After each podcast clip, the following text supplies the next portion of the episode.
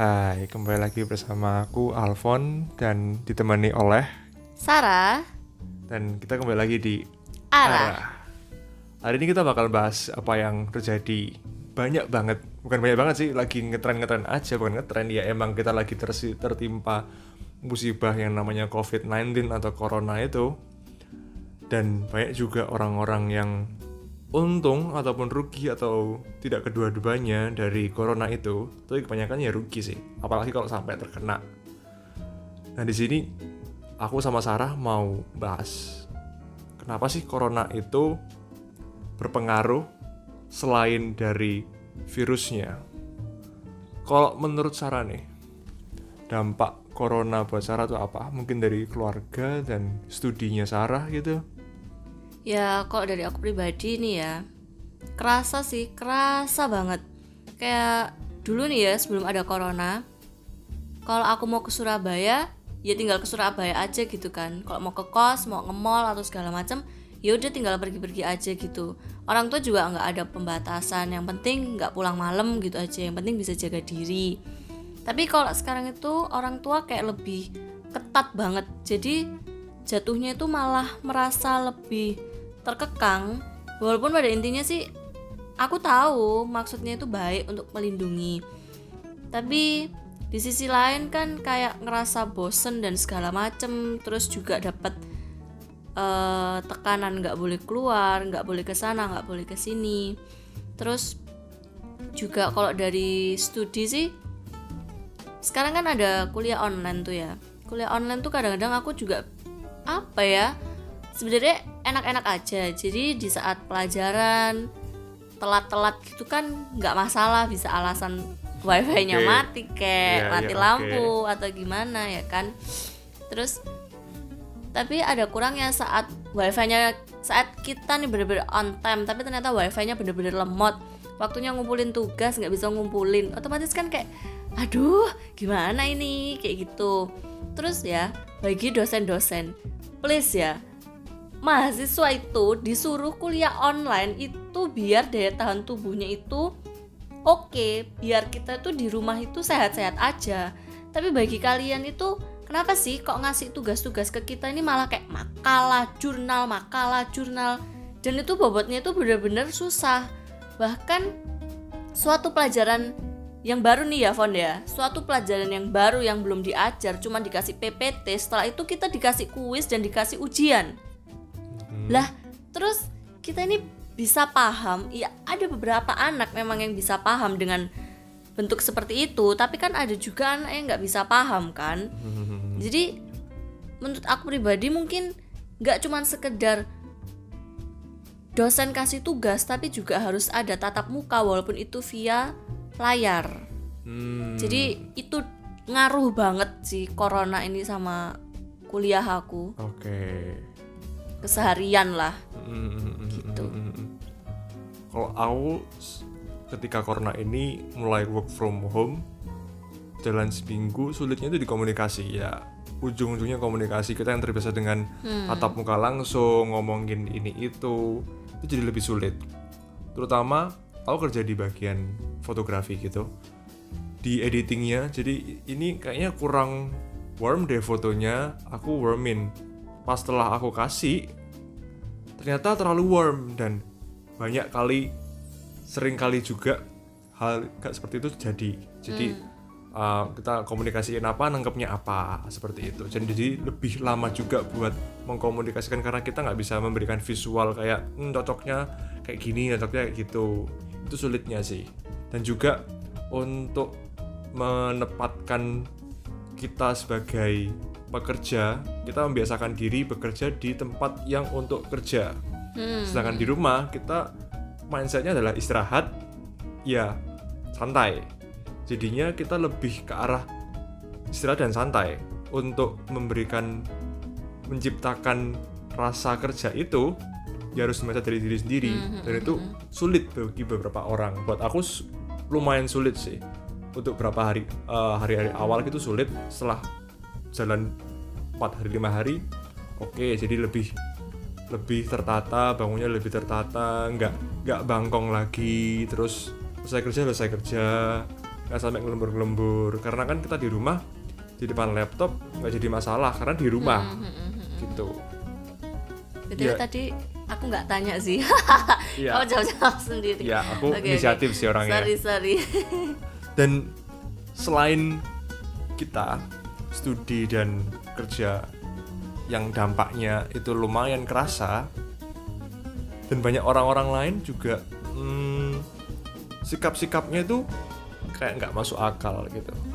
Ada yang terlalu panik sampai aku lihat di Instagram sih dia belanja pakai APD ada Ah, juga I see. yang orang yang masih nongkrong-nongkrong padahal sudah tahu kalau kerumunan itu bisa menyebabkan satu orang tertular semua tertular.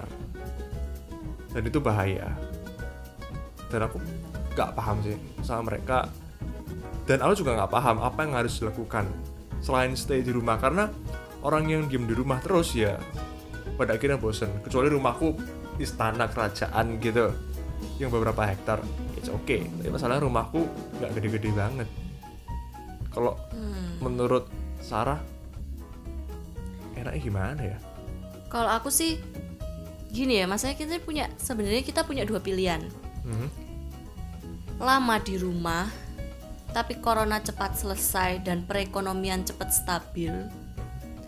Atau kita nggak lama-lama banget di rumah kayak sehari di rumah terus keluyuran ngo- nongki-nongki dan segala macem tapi corona nggak cepat selesai dan perekonomian itu nggak stabil-stabil tergantung pada manusianya lagi sih kamu mau cepet selesai atau enggak? Namanya orang ya kalau gendut dia mau kurus ya harus usaha dulu dong di awal dengan keras. Sama kayak corona.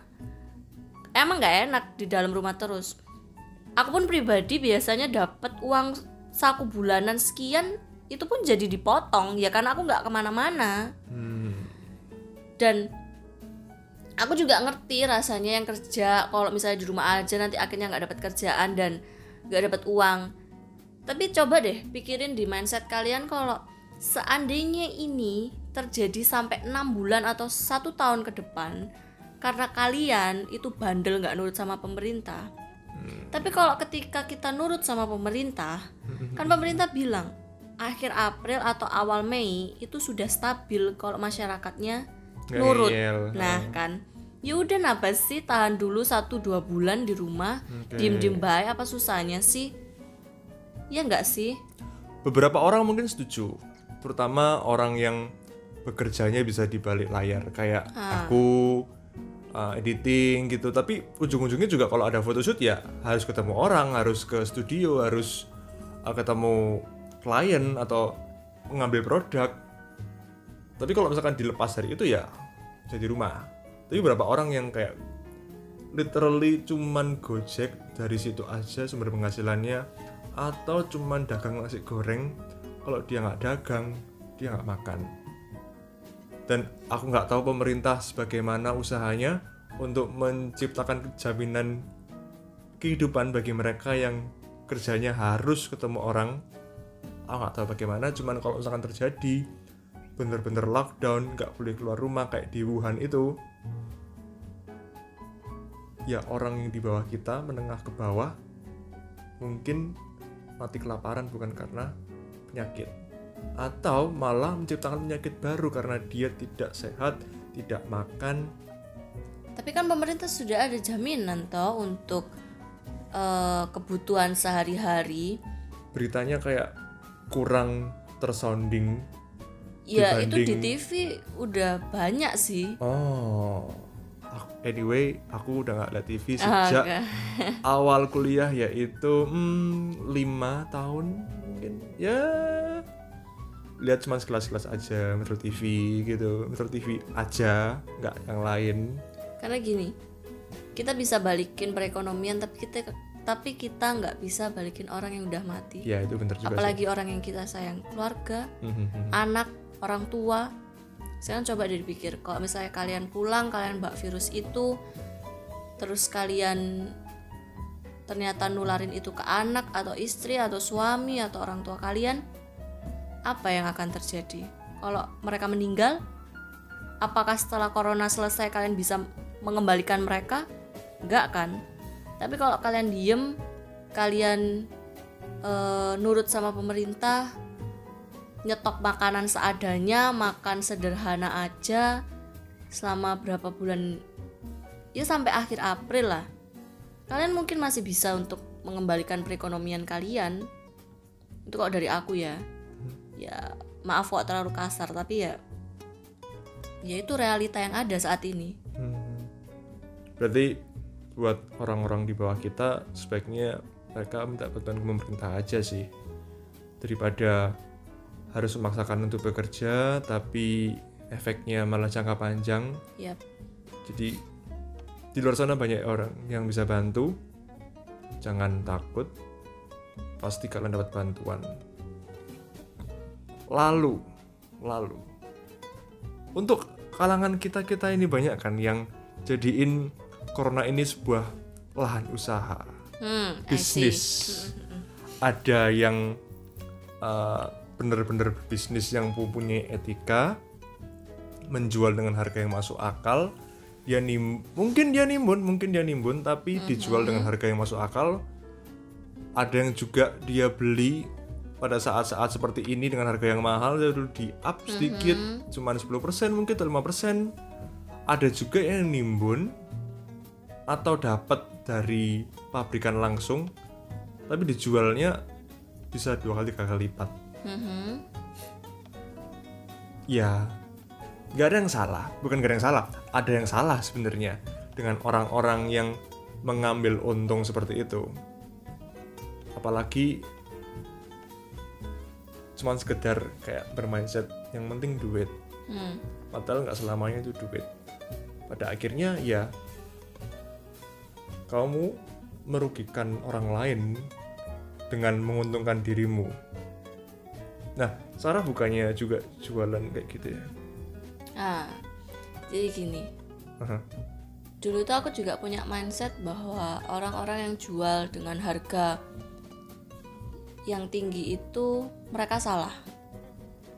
Tapi ini aku lihat dari aku pribadi ya, karena aku ngalamin sendiri. Aku tuh butuh waktu itu butuh banget hand sanitizer karena hand sanitizerku tuh habis.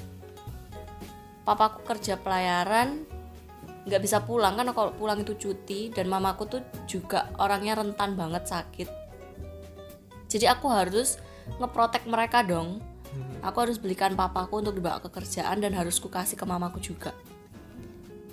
Waktu itu aku cari-cari seller dan ketemu dengan harga murah tapi harus beli minimal dua karton oh berarti berapa tuh ya aku nggak mau sebut nominal ya ah, aku nggak mau sebut nominal itu intinya itu masker itu masker itu hand Oh, sanitizer. Oke. Minimal dua karton. Sekarang, kalau dipikir pakai logika, aku apakah aku mampu untuk beli dua karton? Apakah orang di luar sana itu mampu untuk beli dua karton? Ya aku ngomong pasti mampu-mampu aja. Tapi gini loh, untuk apa sih kita beli sebanyak itu dua karton? Mhm. yang un- yang untuk dipakainya itu lu cuman buat tiga orang untuk kebutuhan tiga orang untuk kebutuhan satu keluarga aja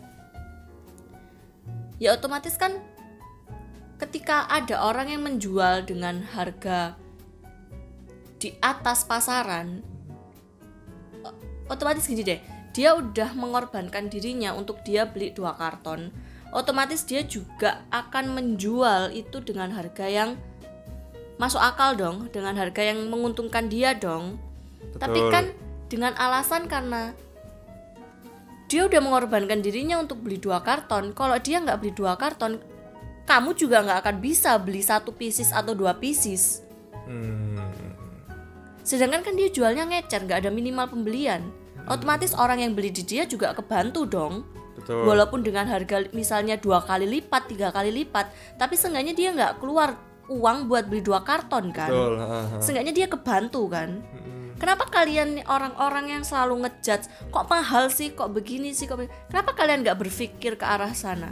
Ketika ada seseorang yang nggak mampu beli dua atau tiga karton minimal pembelian segitu terus ada orang yang menjual dengan harga tiga kali lipat tapi boleh ecer kenapa kalian nggak mikir bahwa dia pun juga terbantu dengan adanya hal itu. Mm, mm, mm. Ketika ada orang penimbun yang cuma menjual minimal tiga karton, otomatis itu semua nggak akan tersalurkan kan, nggak akan kebagian rata. malah dijual lagi mahal lagi Lah itu makanya dipikir dulu kalau mau ngejudge itu, dipikir dari beberapa sisi, jangan cuman eh gimana ya? Aku tahu sih sebenarnya aku dulu adalah bagian dari kalian-kalian yang ngejudge para seller eh, nggak masuk akal ngejualnya. Wih, marah setengah mati setiap kali ada akun yang kayak gitu di IG aku report sungguhan. Tapi sekarang aku mikir karena ada storynya temenku yang ngingetin aku tentang hal itu. Dia nyadarin aku, kalian seharusnya sadar dong, kalian seharusnya juga lihat dari sisi mereka dong, jangan cuman kalian ngejudge aja. Terus akhirnya aku, oh iya ya masuk akal juga gitu loh. Jadi maksudku tuh di tengah-tengah kerusuhan seperti ini, janganlah kalian saling ngejudge, janganlah kalian saling menyalahkan. Ya ayolah kita saling apa ya, saling bantu, saling bangkit bareng-bareng. Kalau misalnya ada yang nyeleneh, coba kalian lihat dari sisi lain, coba diteliti lagi, ditelaah lagi kayak gitu loh. Jangan asal salah, salah, salah. Hello, apa yang kamu perbuat juga belum tentu benar. betul betul betul Iya ya, kok dari kamu ya, ya, tak tanya sekarang. oh ya oke oke. kalau dari aku hmm, lakukan yang menurut kamu benar tapi belum tentu yang kamu lakukan itu benar di mata orang Ah, heeh. karena suara rakyat suara Tuhan. Jadi kalau rakyatmu itu mengatakan salah ya artinya kamu salah. Tapi selama rakyatmu itu mengatakan benar lakukanlah dan rakyat di sini adalah followersmu. Ketika followersmu tidak ada yang komplain dengan apa yang kamu jual dengan harga segitu ya artinya kamu melakukan dengan benar. Tapi kalau ada yang komplain kemahalan nggak bisa kurang tapi belinya kok minimalnya dua karton berarti ada yang harus dibenerin entah itu harganya atau minimal pembeliannya aku sih fine fine aja dengan orang yang menjual harga mahal karena ya emang semakin langka orang semakin butuh Mm-mm, yang cepet-cepetan yang lebih mampu lebih dapat. Iya ekonomi dasar sih. Ketika supply tidak mencukupi, demand tinggi, maka harga akan naik. Tapi ketika supply-nya tinggi tapi demand-nya turun, maka harga akan turun. Aku gak paham anjir. ya, intinya seperti itu. Jadi buat kalian yang masih di rumah atau masih di kantor, tetap hati-hati. Jangan khawatir. Ya, khawatir it's okay, tapi jangan terlalu khawatir. Karena kita tahu kalau semua ini bakal berakhir dan pasti bakal berakhir. Nggak selamanya dan buat kalian yang sudah kena, stay strong, kemauan kalian untuk hidup lebih kuat daripada penyakit tersebut. Dan kita pasti bisa ngelewatin ini semua. Mhm. sekian dari aku. Aku Alfon. Dan aku Sarah. sampai jumpa lagi. Dadah. Dah.